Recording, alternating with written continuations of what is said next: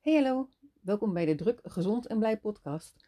Voor moeders die een blij en voldaan leven willen door goed voor zichzelf te zorgen, maar die denken, hoe dan? Leuk dat je luistert. Ik ben Laura en vandaag wil ik het graag met je hebben over iets dat uh, een collega van mij overkwam en dat ik heel erg herkende en waarvan ik denk dat jij het misschien ook wel herkent. Die collega vertelde me dit. Haar zoon is 18 en hij is heel gedisciplineerd met sporten. Was ook gelijk het enige waar hij gedisciplineerd mee was, vertelde ze. Maar sporten doet hij elke dag en hij heeft een afgetraind lichaam en zo. En hij had tegen haar en haar echtgenoot gezegd: Jullie hebben overgewicht en dat vind ik dus gewoon een teken van zwakte. Ten eerste, oh, om 18 te zijn en zo zeker te weten hoe het zit in de wereld. Maar waar het me eigenlijk om gaat is om haar reactie op wat hij zei. Namelijk, oh wat goed dat hij erover nadenkt. En hij heeft natuurlijk gewoon een punt. Want dat vind ik dus niet, dat hij een punt heeft. Maar ik snap heel goed waarom ze dat zei, want het is wat we zo vaak horen over gezond leven. Het is niet moeilijk, je moet het gewoon doen. En als je het niet doet, dan ben je een sukkel. Goed, haar zoon verwoordde het wat scherper dan de meeste mensen zouden doen, maar de boodschap herken je wel, toch? En volgens mij is die boodschap gebaseerd op een aantal aannames die niet kloppen. Ten eerste, de aanname dat er ergens op de wereld eh, informatie is over wat gezond leven is en dat je die op kunt halen, klakkeloos kunt verzamelen. Ten tweede, dat als je die uh, heilige waarheid over gezond leven hebt verzameld, dat je hem dan um, toe kunt passen en ten derde, dat als je die informatie toepast, dat die dan voor jou precies hetzelfde resultaat gaat hebben als voor uh, iedereen anders. Klopt volgens mij alle drie niet. En daar wil ik het wat verder over hebben. Laat ik eens beginnen met dat idee dat er uh, informatie is over gezond leven en dat je die gewoon kunt vinden. Um, natuurlijk is er een heleboel informatie over gezond leven. Ik schat dat zo'n derde van het internet er vol mee staat. Maar reken ik de kattenfilmpjes niet mee. Nee, grapje. Um, er is heel veel informatie over gezond leven. Um, wat al gelijk deel van het probleem is, want welke informatie moet je volgen? Um, en dan zou ik zeggen van nou, het helpt als je informatie opzoekt die wetenschappelijk onderbouwd is. Maar in de wetenschap weten we ook een heleboel nog niet in, mijn, in een van mijn eerdere podcasts over wat gezond eten is, heb ik het er bijvoorbeeld al over gehad dat um, voedingsstoffen zo'n ding zijn in wat we weten over gezond uh, leven. Hè? Dat je, als je gezond wil eten, dan moet je letten op voedingsstoffen. Uh, bijvoorbeeld dat je niet te veel verzadigd vet moet eten. Maar dat, verrassing, als je dat verzadigde vet um, vervangt door simpele koolhydraten, dat je risico op hart- en vaatziekten dan helemaal niet achteruit gaat zoals je zou verwachten. Dus dan, lijkt het alsof er informatie is, maar dat is ja, ook maar het, het beste wat we op dit moment weten.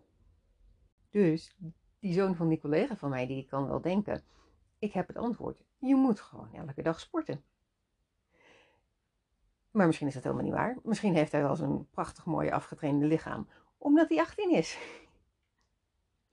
Of misschien heeft hij zijn prachtig mooi afgetrainde lichaam omdat hij overal heen fietst, omdat hij nog geen rijbewijs heeft.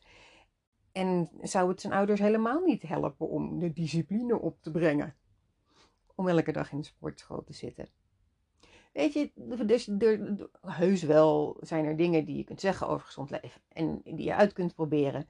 Maar er is niet één set aan informatie die je kunt ophalen en dan komt het goed. En zelfs als die informatie er is, als je informatie hebt gevonden waarvan je denkt, ja, dit, dit klinkt als een zinnig iets om toe te passen om een gezonder leven te hebben, dan komen we bij de volgende aanname, dat dat dan ook gewoon kan. Dat je onafhankelijk van je context en onafhankelijk van wie jij bent, die informatie gewoon kan toepassen. Hier zit denk ik het allergrootste venijn. Want mijn collega is geen 18-jarige jongen. Zij heeft bijvoorbeeld niet iemand die uh, drie maaltijden per dag voor haar verzorgt. Zodat zij tijd heeft om naar de sportschool te gaan op het moment dat er iemand anders in de keuken staat voor haar. Voor haar zoon wordt gezorgd op die manier. Zij doet dat zorgen op die manier. Dat alleen al maakt dat ze die informatie die hij heeft over gezond leven, namelijk je moet elke dag sporten, niet zomaar toe kan passen in haar leven. Maar het gaat verder dan dat. Haar lichaam is dat niet het lichaam van een, van een 18-jarige.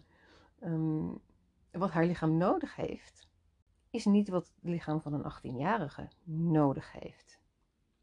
Hij zit misschien drie kwartier op een roeimachine en bereikt daar prachtige resultaten mee. Voor haar is het misschien veel nuttiger om 20 minuten te besteden aan krachttraining. Ehm, dus dan kan meneer van 18 wel leuk zeggen: Hé je moet het gewoon even doen. Maar nou, wat hij doet, gaat voor haar niet, hetzelfde, niet dezelfde uitwerking hebben. En ook um, mentaal is dat waar.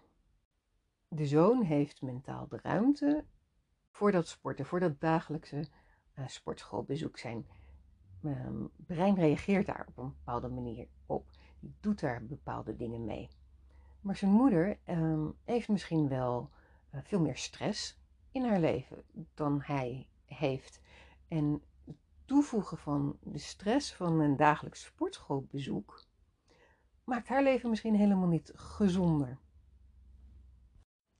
Interessant daarbij vind ik ook dat hij dat um, gebrek aan discipline om naar de sportschool te gaan van zijn ouders koppelde aan hun overgewicht. Um, en dat klopt helemaal niet per se. Um, het helpt natuurlijk om op gewicht te blijven, om te bewegen. Maar als je af wilt vallen van je overgewicht af wilt komen, dan is sporten daar helemaal niet een heel groot onderdeel van. Het is veel belangrijker uh, om iets um, aan je eten te doen. Sterker nog, als je alleen maar heel veel extra gaat sporten en verder niet aanpassingen doorvoert in je eetpatroon, dan uh, is, de kans behoorlijk dat je aan gaat komen. Omdat je, je verbrandt tijdens het sporten wat meer en dan, daar krijg je trek van. En als je niet heel bewust bezig bent met wat je doet om die trek te stillen, dan is de kans heel groot dat dat uh, je aan een calorieënoverschot gaat helpen in plaats van een, calorieënonderschot. Hoe noemen ze het? Gebrek. Een, een, tekort aan calorieën. Dus wat hij doet, elke dag in de sportschool zitten, zou hun overgewicht misschien alleen maar groter maken. En daarmee heb ik dan gelijk een heel netjes bruggetje gemaakt naar mijn derde punt. Um, namelijk dat de aanname niet klopt.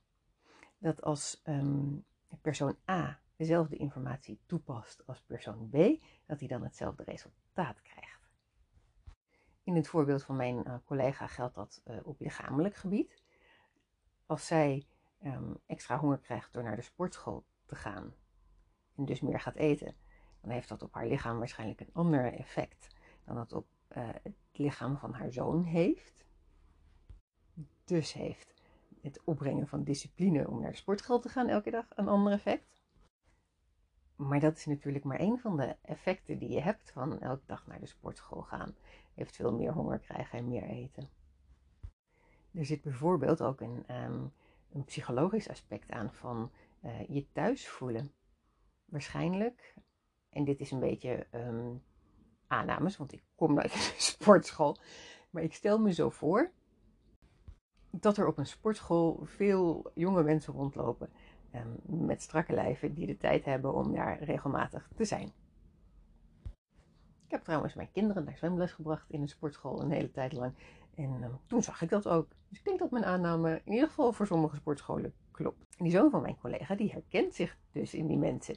Die stapt elke dag binnen op een plek waar hij zich thuis kan voelen, waar hij het idee kan hebben, ja, hier hoor ik.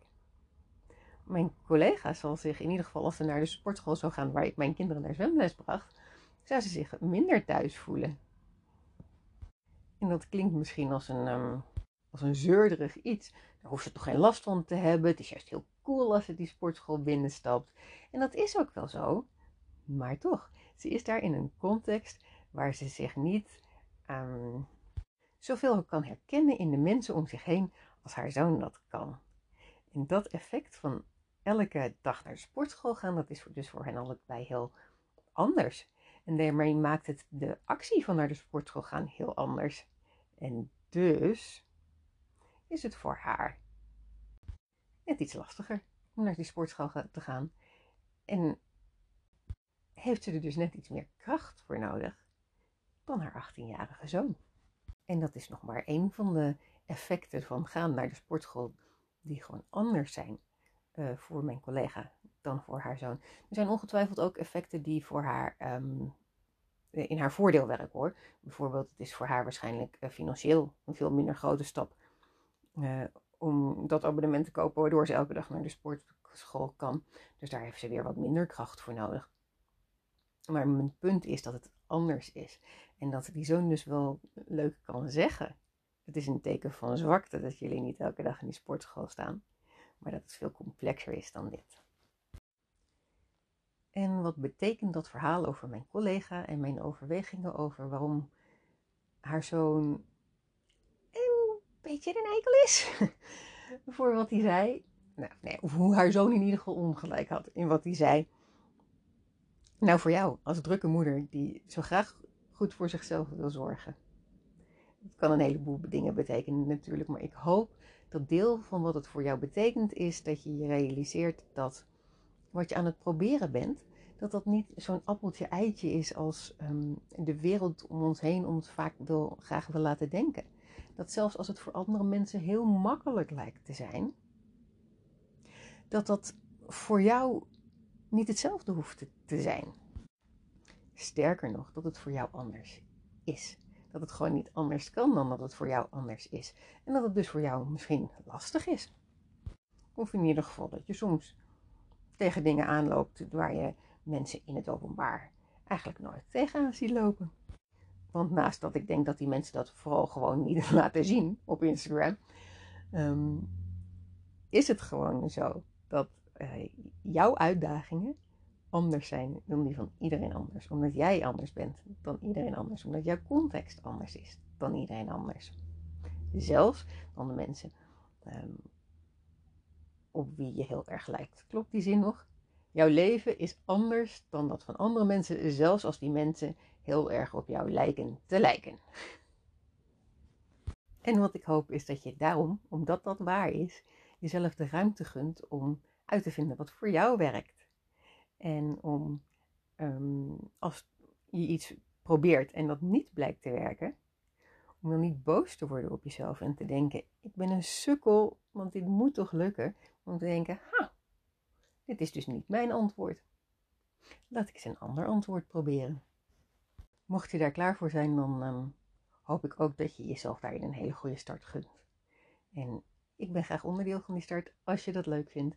Ik ben leefstijlcoach en ik kan met welgemikte vragen jou helpen om jouw antwoorden te ontdekken op wat gezond leven kan zijn. En vooral ook over hoe je, dat, hoe je daar blijer van kunt worden. Heb je daar zin in? Kijk dan op www.lekkerplan.nl slash coaching om te zien hoe we samen kunnen werken. En um, anders spreek ik je heel graag bij de volgende aflevering van deze podcast.